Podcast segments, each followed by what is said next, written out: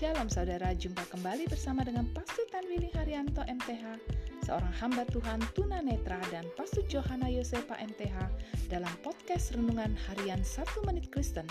Di dalam podcast ini, kami membagikan kebenaran dari Alkitab yang dimulai dari kitab kejadian sampai kitab Wahyu. Selamat menikmati.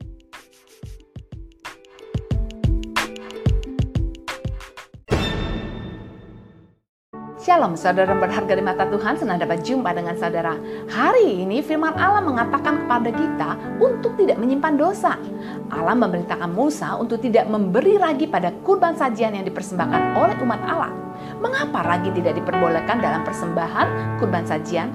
Ragi adalah jamur atau jamur bakteri dan oleh karena itu merupakan simbol yang tepat untuk dosa. Ragi tumbuh dalam adonan roti seperti halnya dosa tumbuh dalam kehidupan. Sedikit ragi akan berdampak pada seluruh adonan roti, sama seperti dosa kecil akan menghancurkan seluruh kehidupan. Saudaraku, ketahuilah bahwa Allah mau kita tidak menyimpan dosa dalam kehidupan kita. Jika kita menyadari masih ada dosa dalam kehidupan kita, marilah kita menanggalkan segala sesuatu yang memperlambat atau menghambat kita, terutama dosa yang melilit kaki kita dengan erat dan merintangi jalan kita. Marilah kita berlari dengan sabar serta tekun dalam perlombaan yang disediakan oleh Allah di hadapan kita. Itu, ingatlah bahwa dosa akan menghancurkan seluruh kehidupan kita.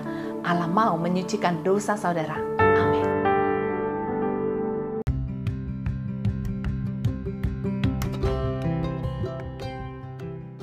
Terima kasih saudara telah mengikuti podcast Renungan Harian 1 Menit Kristen.